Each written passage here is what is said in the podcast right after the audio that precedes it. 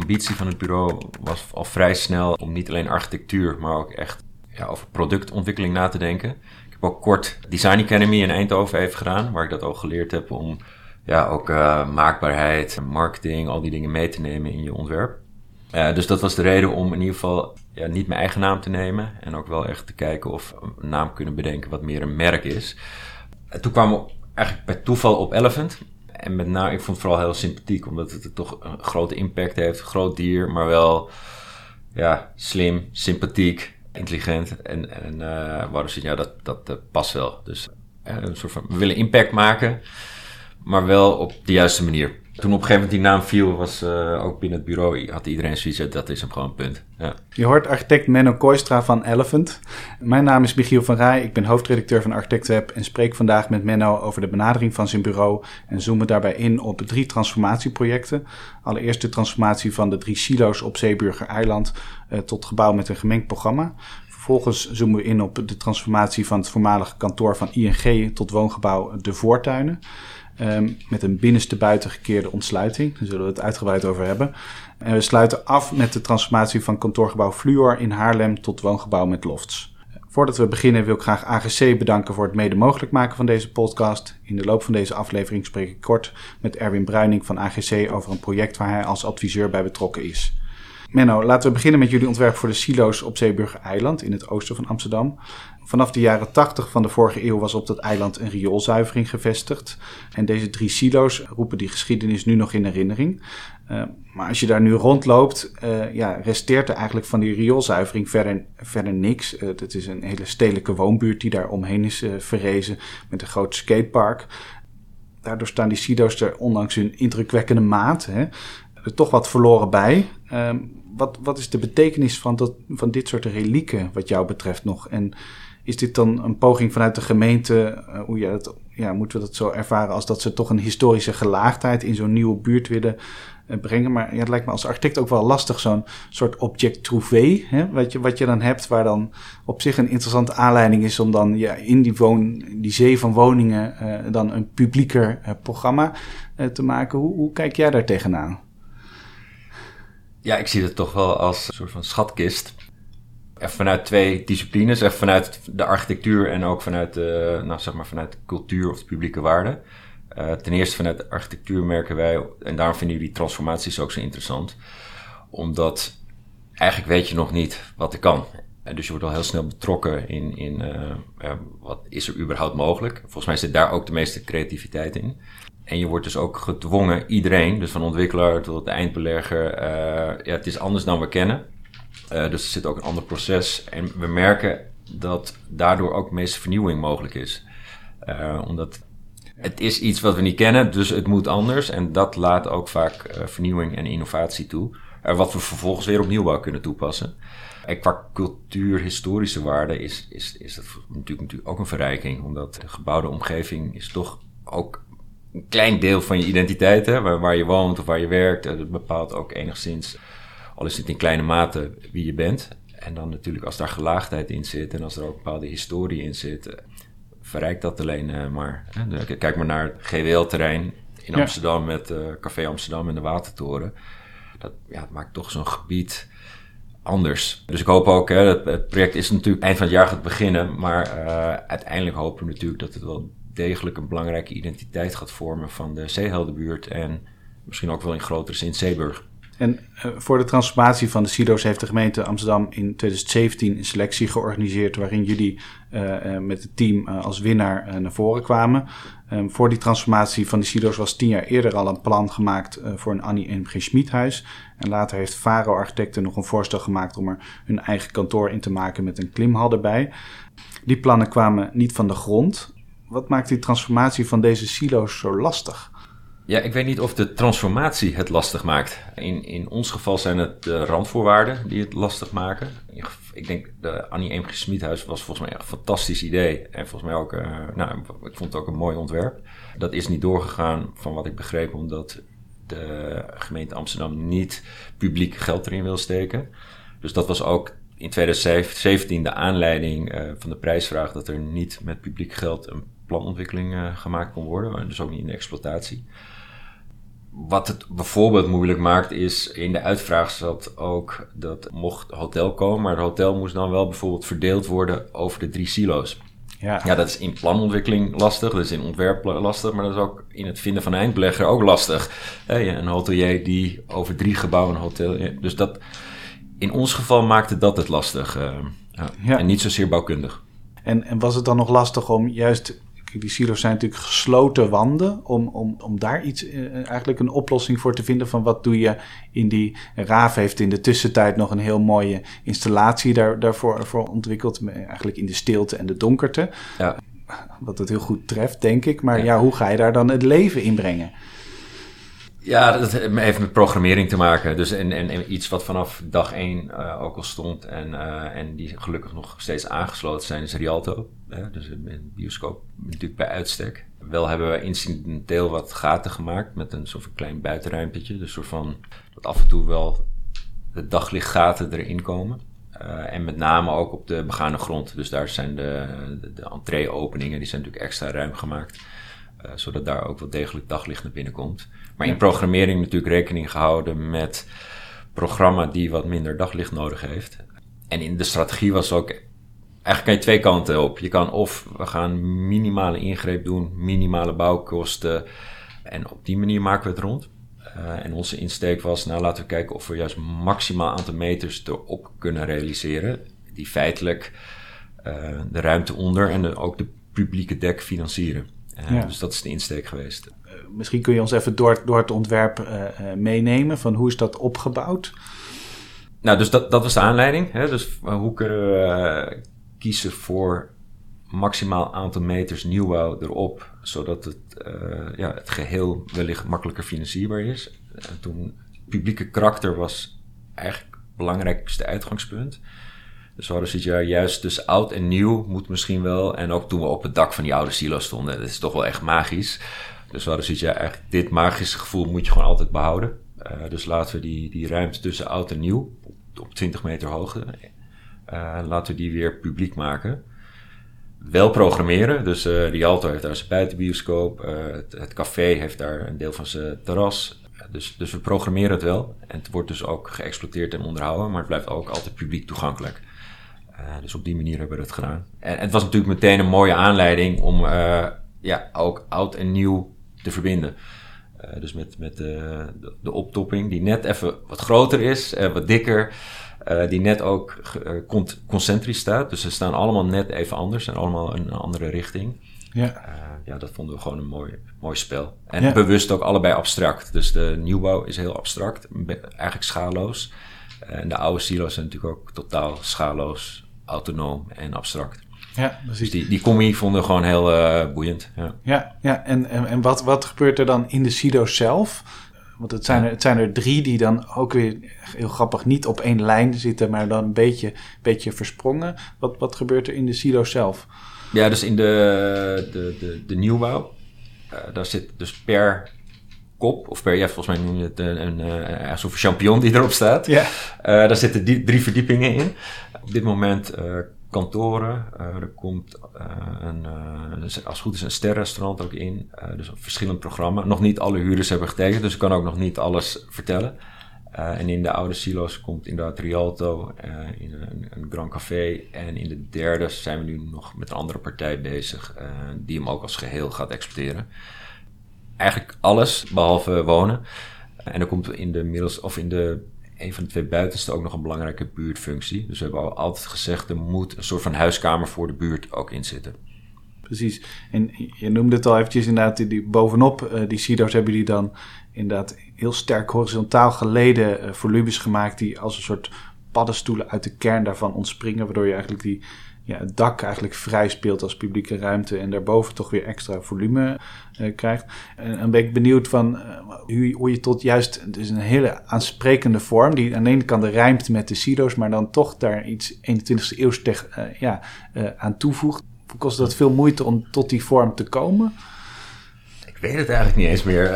ik, ik denk... Of, of, was ja, het, was het toch logisch? gestuurd. Dus het is, je, je, begint natuurlijk al met uh, te kijken... Uh, we zijn eigenlijk begonnen met de programmering, het verhaal. Eigenlijk nog niet met het ontwerp. Heel erg uh, een soort van de opdracht formuleren. En een van de uitgangspunten was ook dat we voor BREEAM Outstanding gingen. En toen, ja, en dus het ontstaat ook een beetje. En, en, maar al vrij snel merkten we die, die, dat, dat abstractie, dat moeten we gaan omarmen. Dus op het moment dat je ook die drie verdiepingen gaat lezen, dat is eigenlijk hartstikke zonde. Uh, dus, die, dus op die manier, en dat sloot heel goed weer aan met de duurzaamheidsambities. Dus door die banden konden we het groen integreren. Door die banden konden we precies kijken waar wel maximaal uitzicht is, maar minimale uh, warmtelast. We hebben ook een band benut voor de ventilatie. Dus op die manier, ja, het bouwde zich eigenlijk op die manier op. En ik denk, het belangrijkste is natuurlijk die tussenruimte. Die zat er gewoon heel snel in. Dus de, dat was een soort van voorwaarde. Van op ja. de oude silo's moet gewoon publieke ruimte zijn. En de, feitelijk geven we dat terug aan de buurt. Ja, dat is prachtig natuurlijk. Ja, ja dus dat is denk ik de hoofdreden hoe het uh, ontstaan is. Ja, exact. En dan, uh, wat is de maat van die, van die tussenruimte op, op 20 meter? Uh, lijkt, me, lijkt me nog best wel krap. Kun je er iets over zeggen van hoe, hoe krijg je het programma daarop? Je hebt natuurlijk wel heel slim eigenlijk die, die, die daken met elkaar verbonden met loopbruggen. Waardoor je, waardoor je natuurlijk logistiek ook dat, dat effectiever maakt. Maar is, is, leent die maat zich wel voor publiek programma? Ja, dus die, nou, die, bruggen zaten er al. Dus dat was ook weer zo'n mooi gegeven. Dus die, die drie daken waren al uh, verbonden. Dus we hebben wel gekozen, ja, waar ligt... Eigenlijk creëer je meer een route, een soort van... Ja, zo'n infinity symbool bij spreken, maar dan over drie. dus die, ik denk dat het met name aantrekkelijk wordt om die wandeling te maken. en we hebben er wel voor gezorgd dat er altijd een maat blijft. Dat je feitelijk je tafel met stoelen neer kan zetten en een looproute. Dus dat er minimaal overal rondom die maat aanwezig is. Waardoor het ook wel echt effectieve ruimte blijft. Ja, exact. En het restaurant zit met de keuken, zit daar niet, niet op dat niveau natuurlijk, maar uh, verdiepingen lager. Ja, ja. ja. Uh, en de restaurant in dit geval een verdieping hoger juist. Dus die okay, terras ja. dan beneden. Ja. ja. Ja, dus, en er zitten dus ook in de, in de drie de nekken zitten dan um, wat meer de uitgiftefuncties. Ja, precies. Dus je kan je voorstellen natuurlijk met mooi weer, uh, ja, dat je de buitenbar en dat soort dingen op die manier benut. Ja. En daarboven komt dan kantoorruimte zoals dat er nu uitziet. Dat, ja. dat moet wel een fantastische plek zijn om te zitten straks. ja, je hebt 360 graden fantastisch uitzicht. Uh, en ze steken toch wel echt nog boven de rest van de buurt uit. Dus dat, ja, dat uitzicht is wel fenomenaal. Ja. En dan uh, is de bedoeling dat deze, dit jaar nog gestart wordt met de bouw? Ja, we, nou, we hadden wat, wat toch wel wat last van de corona. Uh, met name door de programmering en, en uh, door het tekenen met de huurders. We hebben december de, is de bouwvergunning uh, was binnengekomen. En we zijn nu het TO opgestart met Vinkbouw. En de planning is nu dat einde van het jaar startbouw is. Ja, ja mooi. Ja, ja spannend moment. Ja, ja, precies. Mooi. Het volgende transformatieproject dat ik met je wil bespreken uh, ligt uh, aan de andere kant van Amsterdam, uh, langs de Haarlemmerweg in Bos en Lommer. En betreft de transformatie van een voormalig hoofdkantoor van de Postbank, wat later ING werd. En dat gebouw is ontworpen door architect Arthur Staal, die we bijvoorbeeld kennen van de Shell-toren in Amsterdam-Noord, en wat nu dan de ADAP-toren genoemd wordt, en de voormalige bedrijfskantine ernaast, wat nu dan Tolhuis Tuin heet dat pand in Amsterdam-West uh, hebben jullie nu getransformeerd tot uh, woongebouw De Voortuinen. En daarbij hebben jullie de ontsluiting als het ware binnenste buiten gekeerd. Maar voordat we daarop komen, ben ik benieuwd eigenlijk naar de start van dat project. Dat, dat was een leegstaand kantoorpand. Welke, welke vraag kregen jullie? Ja, ja, je zit nu bijna niet meer denken, maar de, die vraag komt al uit eigenlijk de start van het bureau. Uh, dus die vraag komt uit 2014. Uh, Pinnacle had destijds het hele ING-gebied gekocht. Dus echt tot en met, nou, misschien kan ik het beter verwoorden. Uh, het, in het plan komen nu bijna duizend woningen. Waarbij dit dan de eerste was. En ook het meest prominente gebouw natuurlijk, omdat iedereen dat ook kent als uh, nou, het voormalige hoofdkantoor van de Postbank. En die vraag was eigenlijk, want we kwamen eigenlijk net uit de crisis toen. Willen jullie met behoud van zoveel mogelijk gebouw en met mini, mini, minimale bouwkosten kunnen we kijken of we starterswoning, studentenhuisvesting kunnen gaan maken. Dat, dat was de opgave die wij meekregen. Ja. Ja, ja, en hoe heeft zich dat dan. Want we, we, weten ondertussen dat dat, dat, dat dat niet zo is gebeurd. welke stappen zijn, hebben, hebben daarop gevolgd? Ja, ik denk achteraf gelukkig ook nog. Het, het, was de, eigenlijk de eerste echte grote opdracht en de start van het bureau ook wel. Dus ik denk een hoop, hoop, hoop ambitie uh, heeft dit kunnen. Ja, we kwamen er al vrij snel achter dat die, die. Eigenlijk wat er ook met de silo's is gebeurd. Dat zoiets zeiden: ja, kunnen we niet de stico van opdrachtgever, kunnen we daar even goed naar kijken. Want kunnen we niet op een andere manier de opgave veranderen? En kunnen we niet juist kijken om hoogwaardige architectuur te maken, meer meters te realiseren en uh, op een andere manier naar dat gebouw te kijken. Omdat we al merkten, ja, het wordt, het wordt zo krap en het wordt zo ge, het wordt altijd suboptimaal. Het is gewoon een kantoorgebouw, uh, dus die, die gevel zal je moeten aanpassen. En, en wat blijft er dan nog over van de oude gevel? Je zal buitenruimte moeten toevoegen. Dus, dus al vrij snel merkten we, ja, je kan dat niet handhaven. Destijds was ook heel erg de sharing economy toen in opkomst. natuurlijk vanuit de crisis kwam die sharing economy heel erg op. Uh, en dat was voor ons de reden.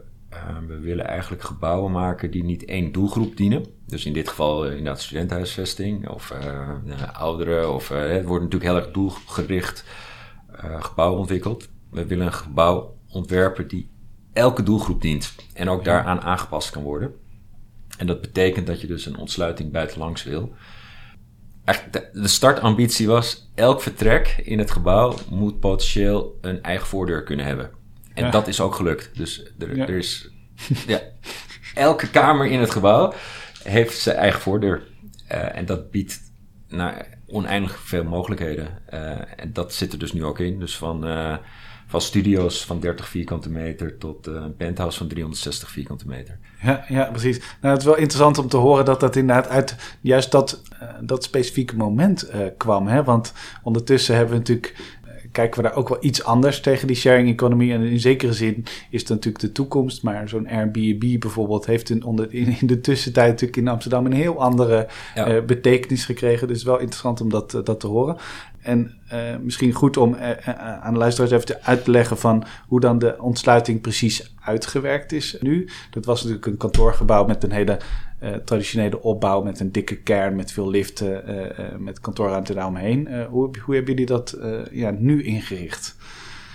Ja, dus wat, wat uiteindelijk de, nou, de, de truc was, en vergis je niet hoe lang we zijn daar, we hebben een half jaar lang een parallel proces moeten voeren. Dus het, het, zeg maar traditionele ontwerp met een middenkern en de, uh, een gangetje eromheen en daar de appartementen on, ontsloten.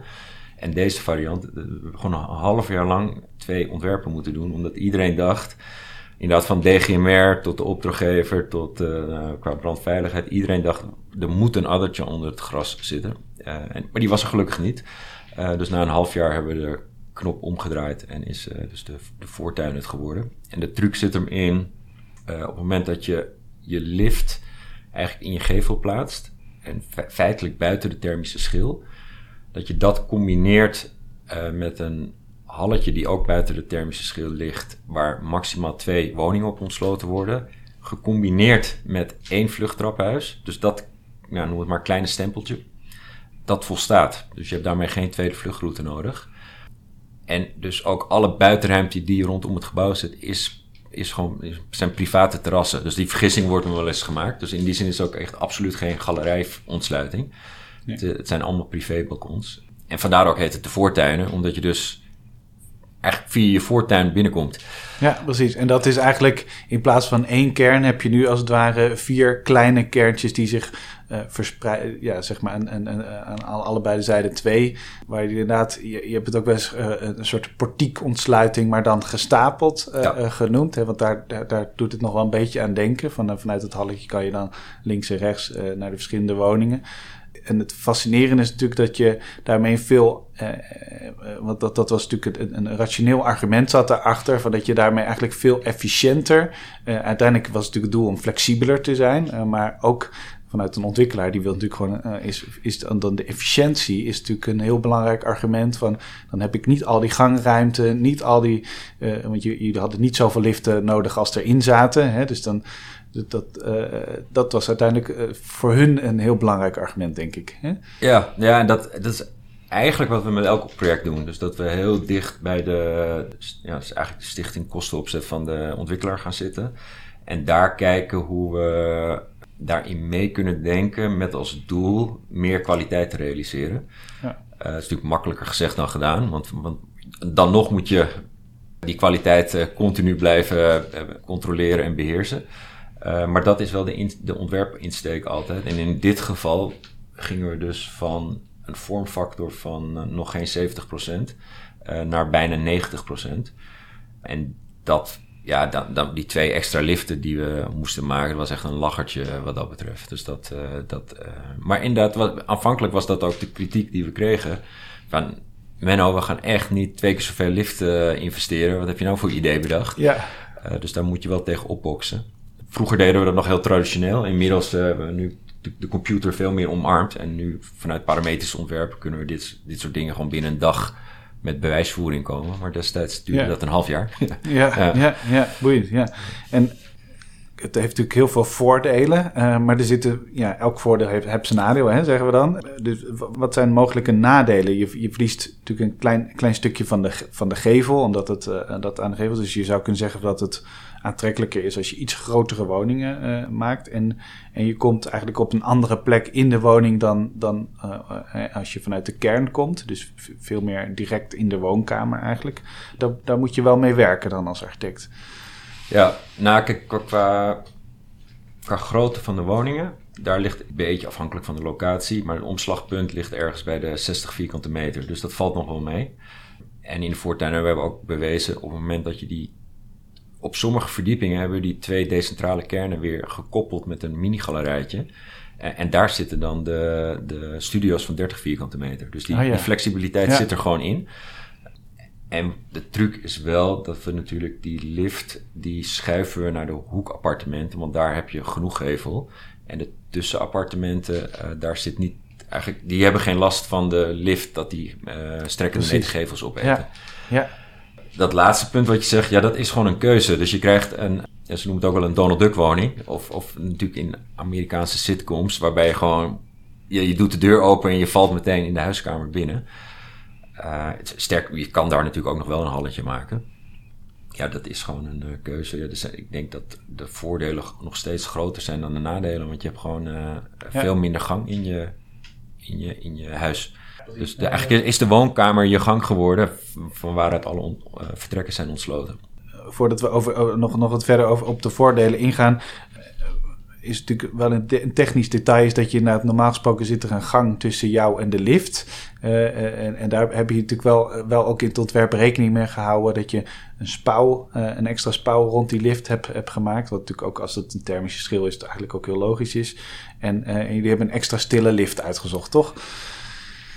Ja, het was, dat was echt, dat, misschien was dat wel een van mijn grootste zorgen. Dat je natuurlijk niet die lift wil horen in je kamer. Maar dat is nu uh, uh, ja, uh, niet gewoon. En, dat, en, dat, en inderdaad, we hadden al het voordeel dat we hem natuurlijk buiten de thermische schil plaatsten.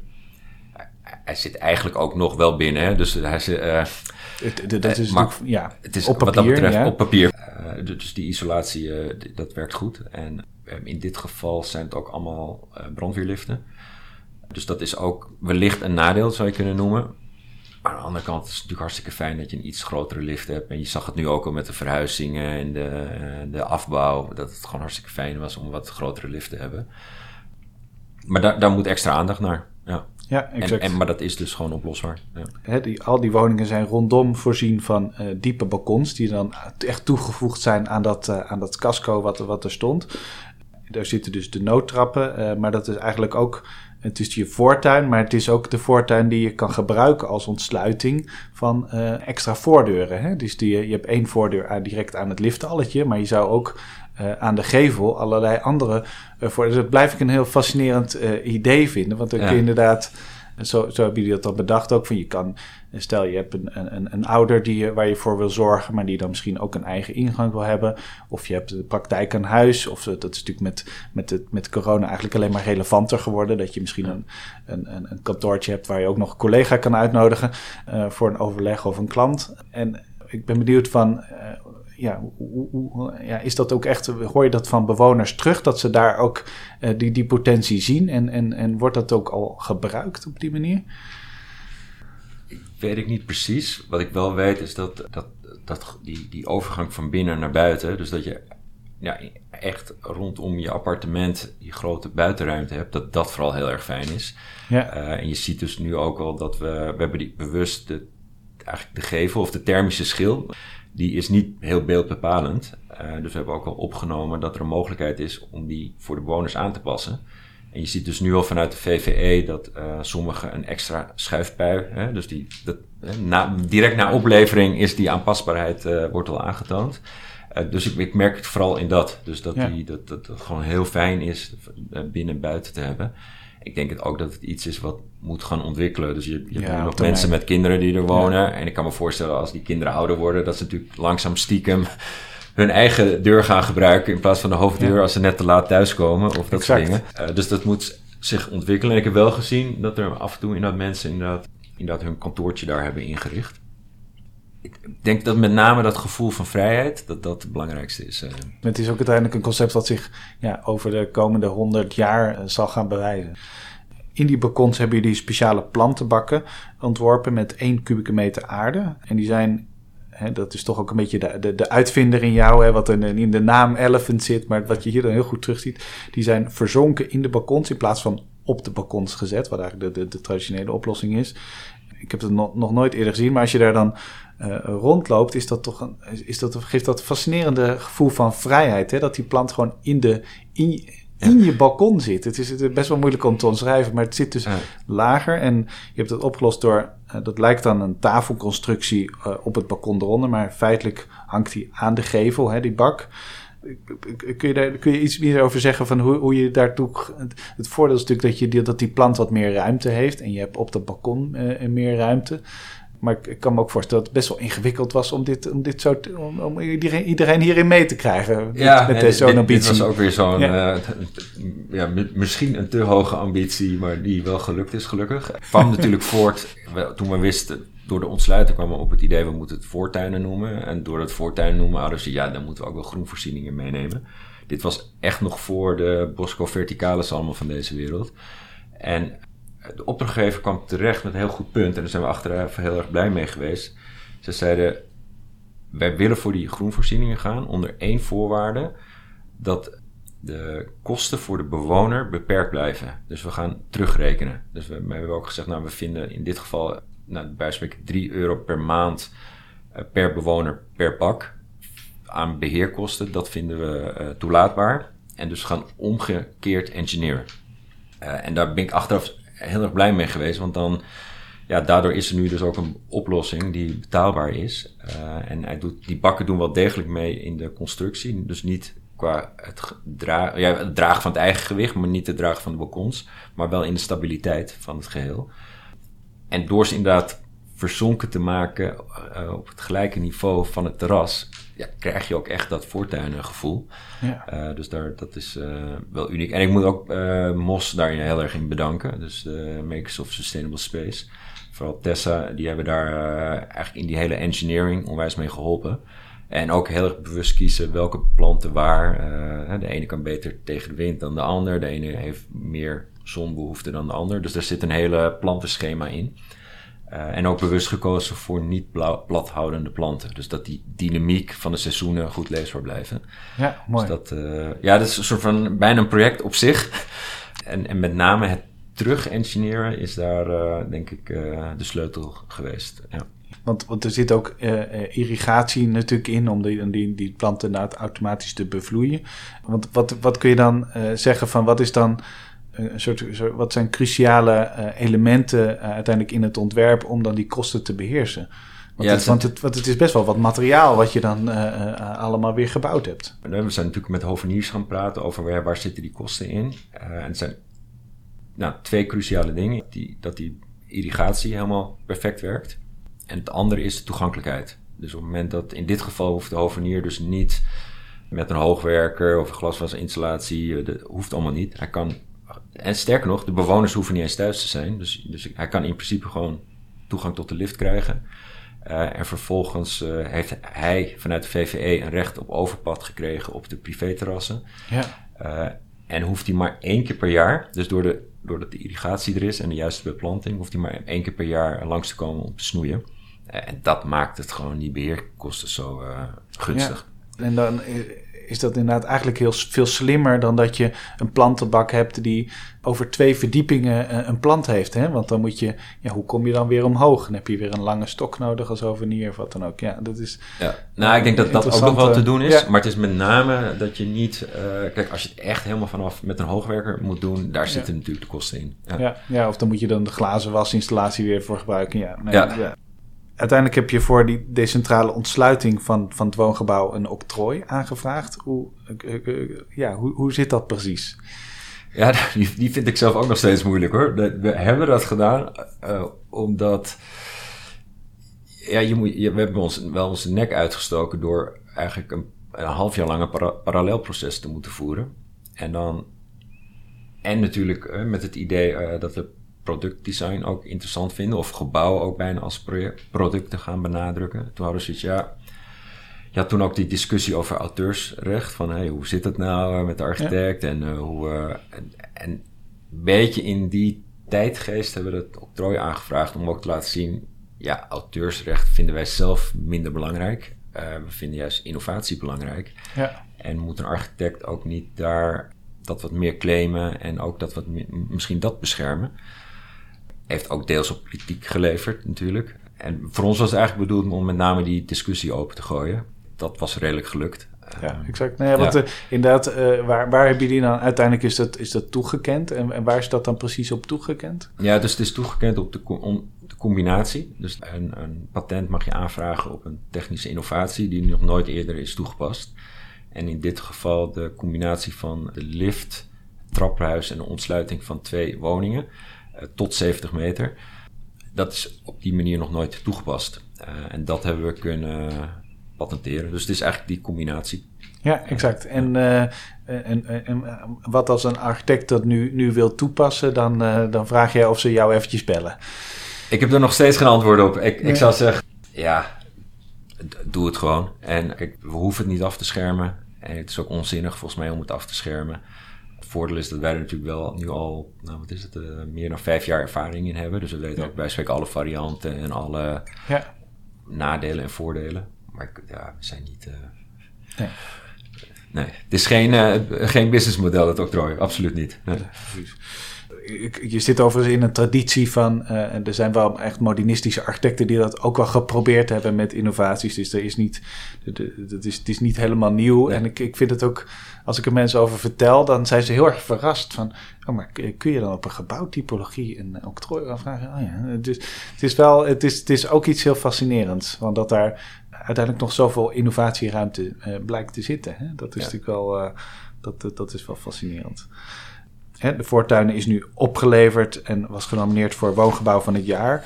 En hoe, hoe kijk je er nu uh, het is, is, natuurlijk voor jou lastig, want jij ziet alle details die misschien niet zo goed gelukt zijn. Uh, dat, dat is jouw lot als architect. Maar hoe kijk je erop terug dat het, dat het toch dat het helemaal opgeleverd is? En, en, en, en toch geslaagd hè, na al die tijd. Ja, nee, ik, ik, inderdaad, je, ja, je ziet al die details dat je denkt, ah, we zijn bijvoorbeeld ook niet, uh, of eigenlijk nauwelijks betrokken geweest in de technische uitwerking, wat ik echt een uh, groot gemis vond. En ook in de, in de uiteindelijke uitvoering. Maar ja, elke keer als ik er ben, want we moeten echt extreem vaak rondleidingen geven. Wat ik uh, overigens heel erg leuk vind, maar ja, ik zie wel dat het uh, gebouw leeft.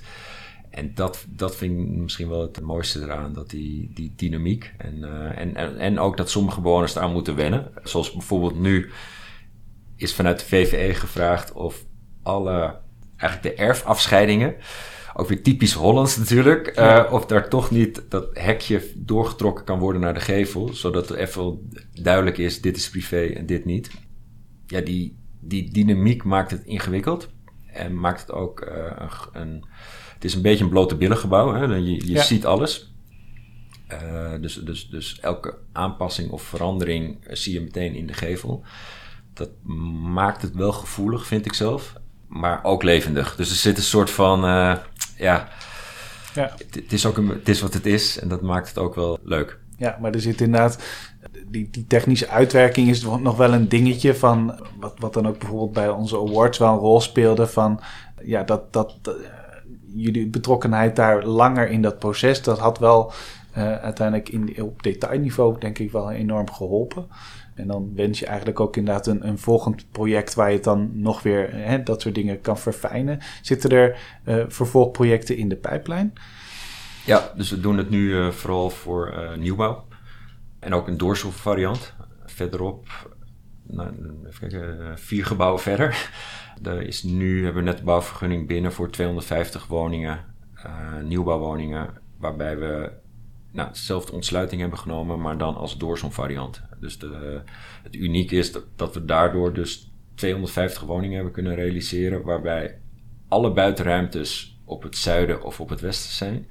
En waar alle buitenruimtes zijn gecombineerd met de woonkamer. En dus alle slaapkamers op het noorden dan wel oosten. Wauw, ja. En ook alle woningen zijn minimaal doorzon. Dus de een derde is driezijdig georiënteerd en twee derde tweezijdig georiënteerd. Wat ik ook wel echt een ja, soort van trots op ben, omdat je ziet in de nieuwe ontwikkelingen, vooral nieuwbouw, hoeveel eenzijdig georiënteerde appartementen worden gemaakt. Ja. Dus, dus ja, die, dat, die kwaliteit in het woonproduct, uh, ja, dat, ja, daar zijn we ook wel echt trots op. Uh, dus die, dus ja, de nieuwbouwvarianten komen. Ik moet zeggen, ik denk dat, dat deze ontsluiting komt drie van de vijf keer uh, bij woongebouwen eruit als de beste oplossing, maar ook twee van de vijf keer niet. Nee, ja, ja. Nou, kijk wel naar uit om, om, die nieuwe projecten dan ook te zien. Het is wel echt, uh, ja, ik heb nooit gedacht dat dat soort hele nieuwe typologieën dan toch, toch eigenlijk de, de, woningbouw in kunnen en, uh, en, en kunnen schalen. Dat is echt wel, uh, echt wel heel bijzonder. Dan wil ik een beetje op jouw persoonlijke leven inzoomen. Je, bent, je, je hebt bouwkunde gestudeerd aan de TU Eindhoven en hebt daarna bent daarna als architect begonnen bij allerlei bureaus. Maar je was daarnaast, uh, naast, naast dat werk ben je ook voorzitter geweest van een netwerkorganisatie Leegstand van Zaken. Uh, de prachtige naam.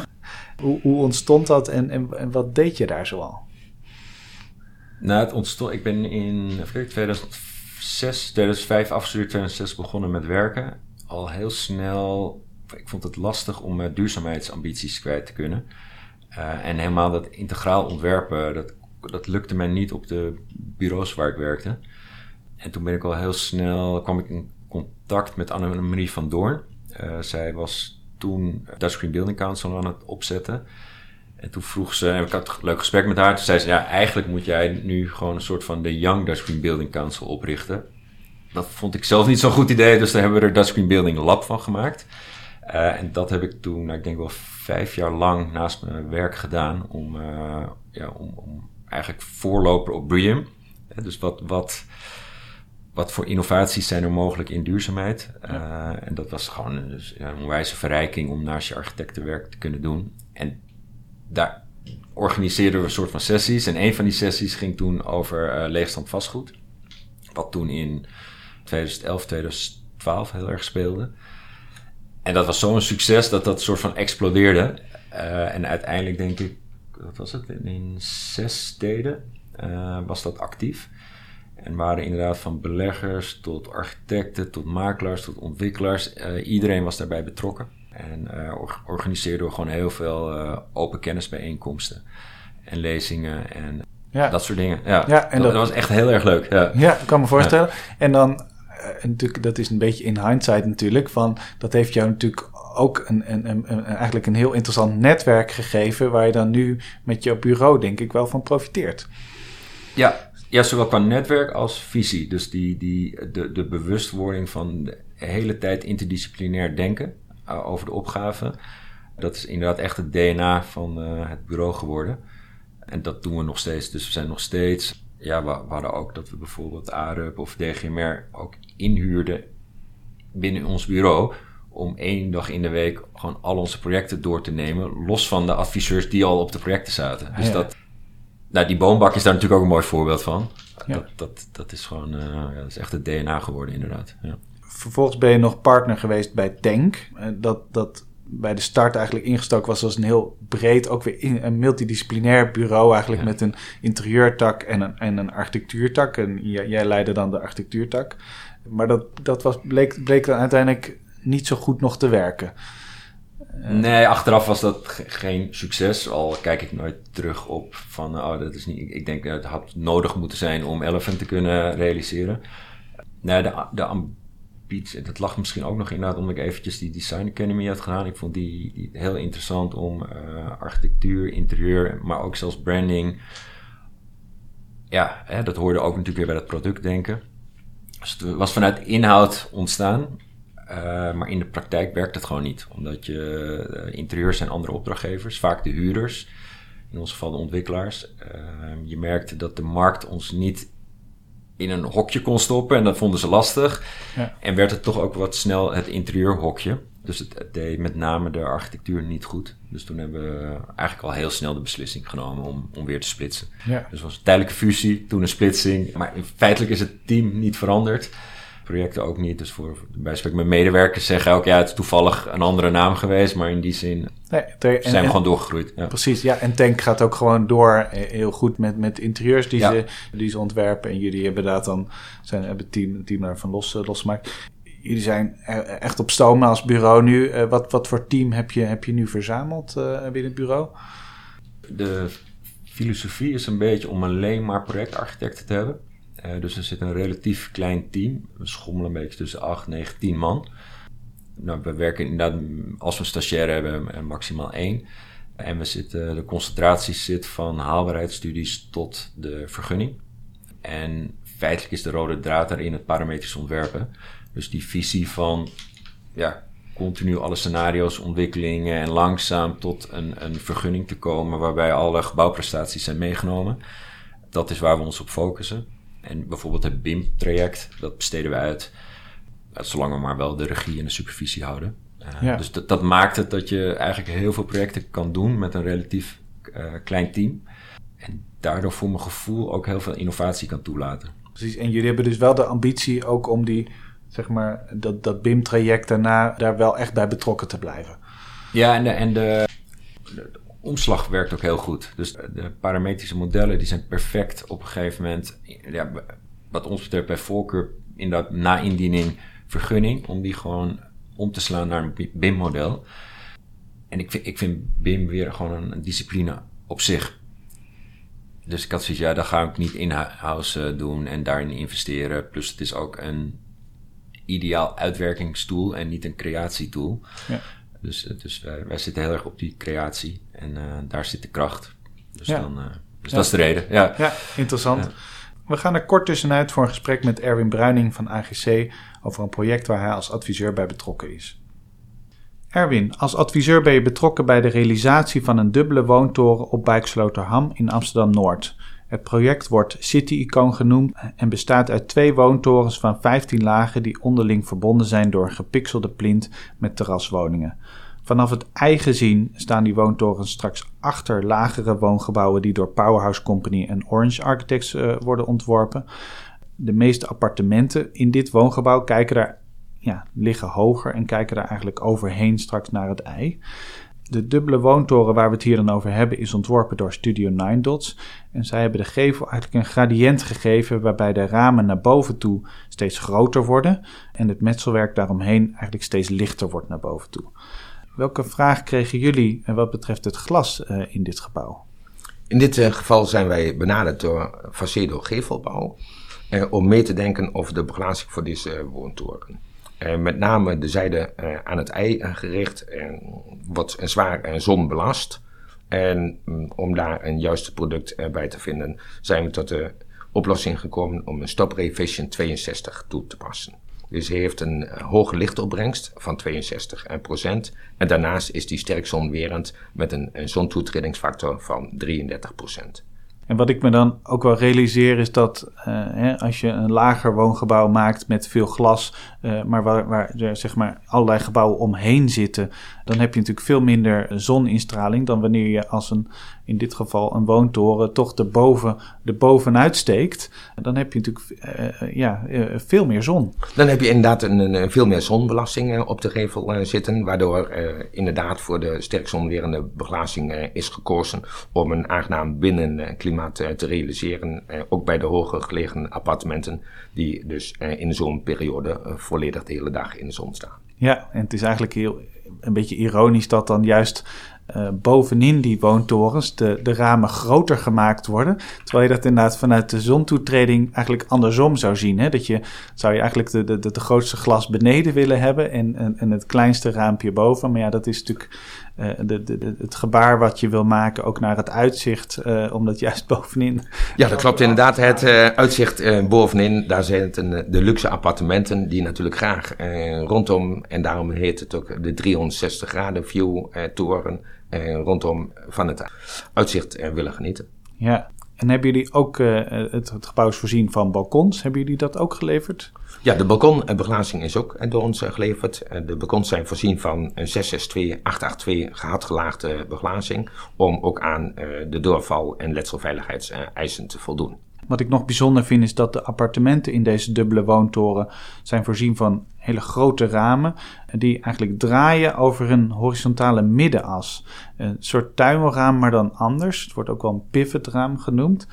En wat ik eigenlijk interessant vind is dat je eh, dat, glas is, heeft, heeft een behoorlijke maat. Het is best wel een zwaar raam. En dat als je het op traditionele manier kantelt, dan is dat best een gewicht wat, wat naar je toe komt.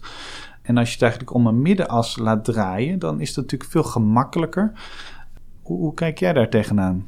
Daar is inderdaad eh, bij de ontwikkeling over nagedacht. Uh, Facedo en Kauneer, de aluminiumleverancier, uh, hebben daar een samen systeem voor bedacht, wat met name in de Duitse markt toegepast wordt. En die hebben dat ook doorontwikkeld om het in de Nederlandse markt toe te passen. En de gewichten, de, de grote gewichten door de grote glasoppervlaktes daarmee op te vangen.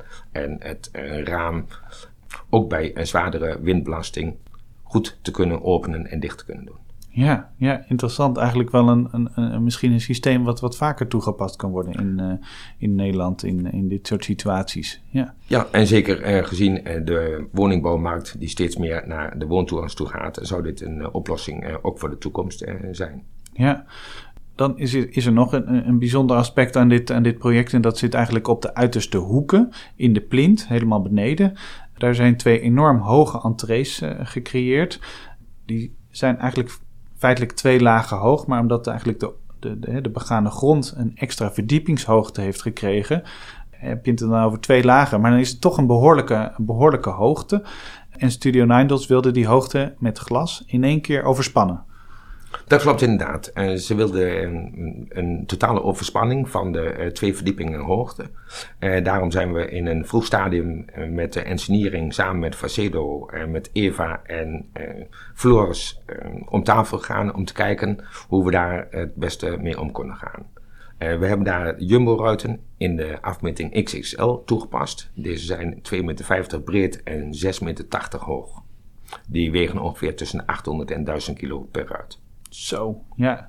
En over wat voor glasdikte hebben we het dan in dit geval? Dan praten we over uh, dikke beglazing. Aan de buitenzijde een 662-ruit uh, met een zonwerende coating zoals aangegeven, de Vision 62. En daarnaast de binnenruiten zijn voorzien van 882 gelaagde beglazing. Ja, en, en hoe is dat in dit geval afgewerkt? Hoe zit dat in de profielen?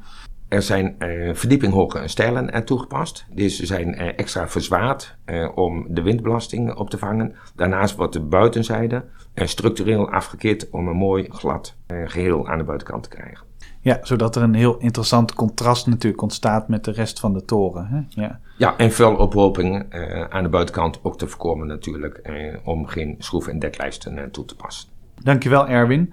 Wil je ook glas van AGC in jullie bestek opnemen? Kijk dan vooral ook eens naar de bestekservice van AGC. Deze is te vinden op agcnederland.nl/slash bestekken. We zijn weer terug bij ons gesprek met Menno Koistra van Elephant. In Haarlem, in het hart van Schalkwijk, op een locatie direct naast het grote winkelcentrum daar, uh, wordt het voormalige kantoorgebouw van ingenieursbureau Fluor uh, nu getransformeerd tot woongebouw. Met 96 woningen. En die die transformatie ontwerpen jullie. En rond dat getransformeerde gebouw komt woningbouw naar ontwerp van Kosjoeg Architects en Mees Visser. En dan naast dat gebouw komt dan een, een hub, wordt dat dan genoemd, uh, met parkeren van, eigenlijk van auto's en fietsen en, en, en, deelscooters waarschijnlijk. En dat, dat krijgt, een, krijgt een groene gevel. Dus echt een, een ensemble van gebouwen. Een, een, bijzonder gebouw. Het is een beetje, uh, als ik de foto's zie van wat het was, een beetje Amerikaans karakter. Hè? Wat, wat natuurlijk past bij dat Amerikaanse ingenieursbureau wat dan hier zit. Wat, wat voor gebouw troffen jullie aan? Ja, het is wel een gebouw waar je hart sneller van gaat kloppen. En ik, ik, met name die oude foto's zijn treffend, wat jij nu ook aanhaalt. Eh, ze hebben bewust gekozen voor eh, hele diepe plattegronden. Dus eh, het gebouw is 80 meter bij 35 meter diep.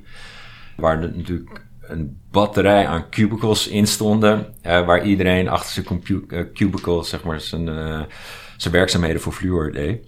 En bewust dus ook voor een hoge verdiepingshoogte gekozen. Dus er zit een netto, hoog, een netto 3,6 meter hoogte in. Ja, Dus de- dat sprak ons meteen al aan, die, die filosofie om niet naar die standaard kantoorverdiepingen te gaan. Van, eh, wat is het, 1440, 1620 en dan keurig de bruto 3,60 meter. En dus qua daglicht deed het mooi. Vervolgens heb je die schitterende paddenstoelkolommen. Dus die, die ruimte, er staat volgens mij op onze website ook een filmpje van, echt van die kale ruimte. Ja, die is gewoon zo'n schitterend canvas om, om de opgave mee te starten. Ja. ja, ja. Dus, dus wij vonden het natuurlijk weer eh, super. En over Elephant gesproken, het is natuurlijk ook een beetje als een soort van Elephant staat hij daar in die gebiedsontwikkeling. ja. Een beetje lomp, maar ja, dat gebouw is er nou eenmaal. Eh, de nieuwbouw kan je aanpassen, maar het bestaande bouw wat minder. eh, ja. Nee, exact. En wat ik dan heel interessant vind, is dat je dat die kwaliteit heel erg omarmt in het ontwerp door dat die verdiepingshoogte vooral zo te houden. eh, en dan eigenlijk de, de woningscheidende wanden niet op, op de maat van de kolommen, maar daar ertussen te zetten, zodat je eigenlijk als bewoner eh, rond die fantastische kolommen woont. Dat, dat, dat is natuurlijk wel, eh, ja, daarmee maximaliseer je wel, denk ik, echt die kwaliteit daarvan. Hè? Ja, ja en, en, en het is bouwkundig natuurlijk ook gewoon makkelijker. Ja, ja, dat was twee vliegen in één klap inderdaad. Overigens was niet de, ook in dit geval weer, was niet de uitvraag was, maak een soort van courtyard. Eh, anders dan wordt het toch een soort van daglichtprobleem. Hoe ga je woningen maken in een gebouw dat 35 meter diep is en 80 meter lang? Dus ook hier was weer, eh, ja, hebben we eigenlijk de, de vraag, of de, de, ja, de opdrachtformulering opnieuw gedefinieerd. Ja, ja en, en hoe heb je dat uiteindelijk kunnen pareren dan? Want het, het, het, het blijft een, een enorme diepte natuurlijk voor die woningen. Ja, ik wil hem eigenlijk liever omdraaien. Het uitgangspunt was dus een, een eh, ja, soort van binnenterrein creëren. Dus een, een, nou, best wel een deel van, de, van het gebouw slopen. En toen zijn wij zelf weer gaan rekenen. En toen dachten we, je hebt dus een bestaand gebouw. Je gaat in Schalkwijk, wat nog niet, eh, het is niet eh A-locatie. Dus als mensen hier willen gaan wonen, willen ze waarschijnlijk voor een lagere vierkante meterprijs wat meer ruimte hebben. Dus toen voelde het voor ons zo onlogisch om een bestaand gebouw meters weg te gaan slopen. Vervolgens een tweede nieuwe binnengevel te moeten realiseren. Dus je maakt minder meters en je weet dat de absolute bouwkosten hoger worden. Is er niet iets mogelijk dat we dan maar die, die diepte gaan omarmen? Uh, en dat mensen dus uh, goedkope meters kunnen kopen en gewoon veel meters hebben. En dan voldoet een deel uh, minder goed aan de daglichteis. Maar ja, je hebt, je hebt die hoogte ook. Je hebt, je hebt een soort van uh, schitterende grote loftappartementen. Wat, waar volgens mij ook heel veel vraag naar is. En dat is gelukkig ook gebleken. Dus ook nu, eigenlijk uh, voor de oplevering, is alles al verkocht. En ja. is, is het eigenlijk een heel groot succes. Ja. En dan hebben jullie inderdaad om, om natuurlijk die, die, die diepte ook te, te, echt goed te gebruiken qua daglicht, hebben jullie inderdaad dat glas, een nieuwe gevel gemaakt. De vliesgevel die er zat, eraf gehaald en daar een nieuwe gevel voorgemaakt die helemaal van glas is. En die eigenlijk als een, uh, wat fascinerend, uh, als een soort accordeon. Uh, ik probeer het maar te omschrijven voor podcast, omdat mensen het niet kunnen zien. Als een soort accordeon gevouwen zijn en eigenlijk allemaal erkers krijgen. En die erkers kan ik me voorstellen dat dat, omdat je eenzijdig, in de, zeker in de tussenwoningen, eenzijdige oriëntatie hebt, dat je dan toch wat, wat breder uitzicht hebt. Hè? Denk ik dat dat het idee daarvan is. Ja, het, wa het waren uh, meerdere dingen. Dus het, het je merkt dat uh, hadden natuurlijk een enorm, nog een extra negatieve uitslag op de daglichttoetreding bij spreken voor het appartement eronder. We wisten dat natuurlijk dat dak was van 35 bij 80. Dus toen hebben we in dit geval samen met zus ook gezegd, nou dan moet dat gewoon een publiek groot, of niet publiek, voor de bewoners een groot gezamenlijk dakterras zijn. En dan maken we wel een gevel die maximaal te open is. Dus dat je daarmee compenseer je de, de, het gebrek aan buitenruimte. Ja. En toen hadden we dus ook nog zoiets, ja, dan wil je eigenlijk vooral ook erkertjes maken, zodat je ook nog wel bij spreken links en rechts kan kijken. En je voor je gevoel ook, nou, als op het moment dat die erker helemaal open staat, is het eigenlijk een balkon. Dus dat was de insteek. En toen was het, ja, dan moeten we daar ook maar helemaal het gebouw van maken. En moeten we daar een soort van, ja, bijna poëtisch ritme in creëren. En hij waait heel langzaam van begane grond, klapt hij naar binnen. En langzaam over de zes verdiepingen waait hij uit, ja, heel erg naar buiten. Ja. Dus dat, ja, zo is het hele ontwerp ontstaan. En het zijn dus nu puien die van 3,60 meter helemaal open kunnen. Dus dat is behoorlijk uniek. Ja. Precies, en daar zit dan ook weer de, de productontwikkelaar in jou die dat dan uh, heel leuk vindt om dat helemaal uit te werken. Hè? Van hoe, dat Ja. dan, hoe je dat dan technisch maakt. Dus uiteindelijk, hier heeft eh, nou, ons projectarchitect Glenn flink op lopen stoeien eh, en voor moeten vechten. Uiteindelijk is het de, de productengineering van het elementje, de erker, waar ja, echt de meeste, waar alles uit samenkomt, waar alle details, de esthetiek, de prestatie-eisen ook allemaal vandaan komen. Dan heb je diepe, diepe woningen. Hoe, hoe, hoe diep zijn die dan gemiddeld? Nou, misschien de, de diepste Ja. is 17,5 meter. Zo, ja. En volgens, ik weet even niet wat het kleinste appartement is, maar in principe zitten alle appartementen wel echt zo rond die nou, minimaal 150 vierkante meter. Eh, en het is ook uitgekomen, dus volgens mij zijn de vrij op naamprijzen zo rond de 3400 euro. Eh, wat natuurlijk substantieel lager is dan eh, nou, de omgeving. Dus, dus die, ja, die strategie is ook echt uitgekomen. Ja, heeft erbij. Ja. Ja, en het leuke is dat ja, die grote ruimte, dat geeft heel veel mogelijkheden. En eh Dure Vermeer heeft ook toegelaten dat ongeveer 50% van de woningen worden casco opgeleverd. Of casco plus. En hebben mee, of ons meegegeven van dat de bewoners mochten met ons in gesprek. En we hebben ook eh, de, bijna alle bewoners daarin op weg geholpen.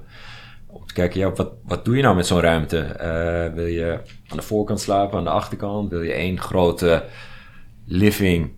Of eh, en moet je het ventilatieconcept erop aanpassen? Moet je, en ja, het heeft eigenlijk tot 50 unieke plattegronden geleid. eh, dus dat eh, ja, gaaf. Ja, maakt, maakt het ook weer zo'n levendig gebouw of zoiets. Net als in de voortuin. Het, gaat, het, ja, het wordt een, bijna een dorp op zich. Ja. Ja, ja, en het leert jou dat eigenlijk elk, elk, elk, ja, elke bewoner of bewoners, die, die, willen, die, die hebben hun eigen wensen. Ja. Ja, ja, en ook daar, want dat is ook wel weer grappig, hebben we die, de, die voortuinontsluiting hebben we voor de hoekwoningen gebruikt.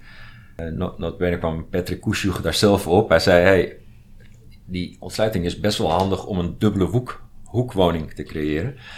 Uh, dus in plaats van vier hoekwoningen zitten daardoor acht hoekwoningen per verdieping in het gebouw. Dus Oh, dat is ook, uh, dat was ook een, een leuke toevalligheid, zeg maar. Ja. ja, ja. We hebben dan nu drie heel verschillende transformatieprojecten besproken. Drie, drie heel verschillende casco's die logischerwijs ook heel drie verschillende antwoorden vroegen. Zit daar voor jou de, de, de lol van die transformatieprojecten dat het eh, echt, echt puzzels zijn waar je hard over moet nadenken om, dat, om het logischer, efficiënter, slimmer te maken dan zelfs de uitvraag? Ja, dus die, de, de kans die transformatie biedt, is de herdefiniëring van de opdracht. Dus eigenlijk is dat altijd het startpunt. En het zijn de projecten waar we de kans is om innovatie toe te passen die we volgens op nieuwbouw projecteren. En binnen een nieuwbouwproject kan dat eigenlijk nooit, want alles is al redelijk uitgenast. Ja. Feitelijk weet de opdrachtgever al precies wat hij wil. En, en, en, voor je het weet zit je gewoon in een stramien en een rijdende trein. En, en, en transformatie uh, biedt die kans om, ja. om, het, om het anders aan te pakken. Ja, exact. Ja, en was dat dan uh, vanuit leegstand van zaken, klinkt dat dan ook logisch om daar dan in, ben je er zo ingerold? Of is dat een, bewuste keuze, juist die transformatieprojecten? Nee, in, ingerold. Dus in, dat, het start altijd bij een vraag. In dit geval startte het bij ik werkte toen aan de, nou, op dat moment meest duurzame kantoor van Europa, TNT, destijds TNT hoofdkantoor. En toen was er, uh, terwijl ik daar dat een soort van heel trots en ambitieus, uh, toen met bij Paul de Ruiter aan werkte, dacht ik, ja, dit, nou, fijn dat het kan. Vervolgens was er een grappenmaker vanuit de beleggershoek, die zei, ah joh, dat ding staat toch over vijf jaar leeg, wanneer het huurcontract is afgelopen. En dat triggerde me zo, van, hey, hoe zit dat dan? En zo is eigenlijk leegstand van zaken een beetje ontstaan. Om, om, die, om uit te vogelen hoe al die, die, die geldstromen en hoe, die, ja, hoe dat precies werkt. En daar is natuurlijk het netwerk van uit ontstaan. En daar is uiteindelijk ook zijn de, de klussen uit ontstaan. Ja, maar ja. dat was niet voorbedacht. Het ontstaat echt vanuit een maatschappelijke vraag. Ja, ja, ja en nu omarm je dat als een, als een laboratorium. Hè? Ja. Uh, wat je dan inderdaad nu hoopt inderdaad op, op, en, en, en al doet op nieuwbouwprojecten. Eigenlijk die, die innovaties kan toepassen. Ja, fascinerend. Er wordt, wordt nu wel eens gesuggereerd van, ah ja, maar die, die transformaties, dat is toch ook een beetje geweest. De grote, grote panden in de, in de binnensteden hebben we nou wel ge, uh, getransformeerd al. Um, hoe, hoe, hoe kijk jij daar tegenaan? Ik, ik weet niet, ze komen ons, bij ons nog steeds op, pad. Uh, dus wat dat betreft denk ik dat dat niet helemaal klopt. Ik kan me wel voorstellen, vanuit het gedachtegoed van toen die kantorentransformaties, dat uh, ik denk als er 100 kantoren waren, dan mag je blij zijn als er uh, vijf in de categorie vallen die zijn goed te transformeren. Dus vanuit dat gedachtegoed begrijp ik het. Maar ik denk dat, de herstructureringsopgave op dit moment de grootste is die er is. Uh, en ja, heel vaak is nog steeds sloopnieuwbouw de beste optie. maar daarom vind ik nu wij spreken de komende crisis met de, met de, met de grondstoffenbeperking en met de, de bouwkosten uh, ontstaat weer een hele nieuwe dynamiek. Dus ik ben, ben wel benieuwd wat dat dan weer op de transformatie doet. Uh, ja, of het inderdaad uh, toch, toch nieuwe type gebouwen dan in één keer toch interessanter zijn. Ook natuurlijk vanuit een ma maatschappelijk oogpunt. Om toch, toch nu in één keer interessanter zijn om ook te transformeren. Hè? Ja. ja, of dat je in ieder geval kijkt dat je niet met een heel leeg blad begint. Dus dat je toch nog denkt, ja, wacht even, daar, daar, daar, al sloop je het gebouw, maar wacht even, die fundering kunnen we nog wel gebruiken voor dit en dit. En die, tuurlijk is het lastig om materialen te hergebruiken binnen hetzelfde project, maar dat, je merkt natuurlijk ook gelukkig door de circulariteitsambitie, dat het wel wat meer een integraal onderdeel wordt van het geheel. En niet meer op plat slopen, hoppakee, nieuwbouw uiteindelijk ziet het er misschien nog steeds zo uit. Hè? Bij die herstructurering, we zitten hier bij eigenlijk het, Hamerkwartier, waar natuurlijk waarschijnlijk ook bijna alles gesloopt wordt. Maar toch denk ik dat er bewuster omgegaan wordt wat er nu nog wel staat. Uh, en of je er op een of andere manier toch nog iets mee kan doen. Ja, nee, op zijn minst uh, laat al die partijen er uh, echt even over nadenken en daar soort van niet, niet te snel van, oh, maar sloopnieuwbouw is, en dan kunnen we inderdaad onze standaard woningen doen. Maar omarm nou de, uh, zeg maar wat er is. En uh, daar, daar valt toch zoveel ook mee te doen nog. Hè? Dat zie je met Voortuin natuurlijk. Van, dat, dat, ja, je herkent dat helemaal niet meer, dat, dat, dat pand wat er ooit stond. Uh, er zit nu veel meer woonkwaliteit in. En zo, zo is het natuurlijk heel veel opties. En ik denk ook met, met eigenlijk de, de, de groei van bouwen in hout... zie je ook natuurlijk weer een, een nieuwe generatie optoppingen ontstaan. Of, of aantoppingen, laten we zeggen. Dus er is zoveel mogelijk. Hè? Ja, ja. ja. Dus dat, uh, nee, zeker. Ja, dus dat, uh, uiteindelijk blijven daar gewoon toch ook nog wel de kansen liggen. Ja. Uh, dank Menno voor dit fijne gesprek. Dank aan AGC voor het mede mogelijk maken van deze podcast. Dank aan jullie voor het luisteren. Tot de volgende keer.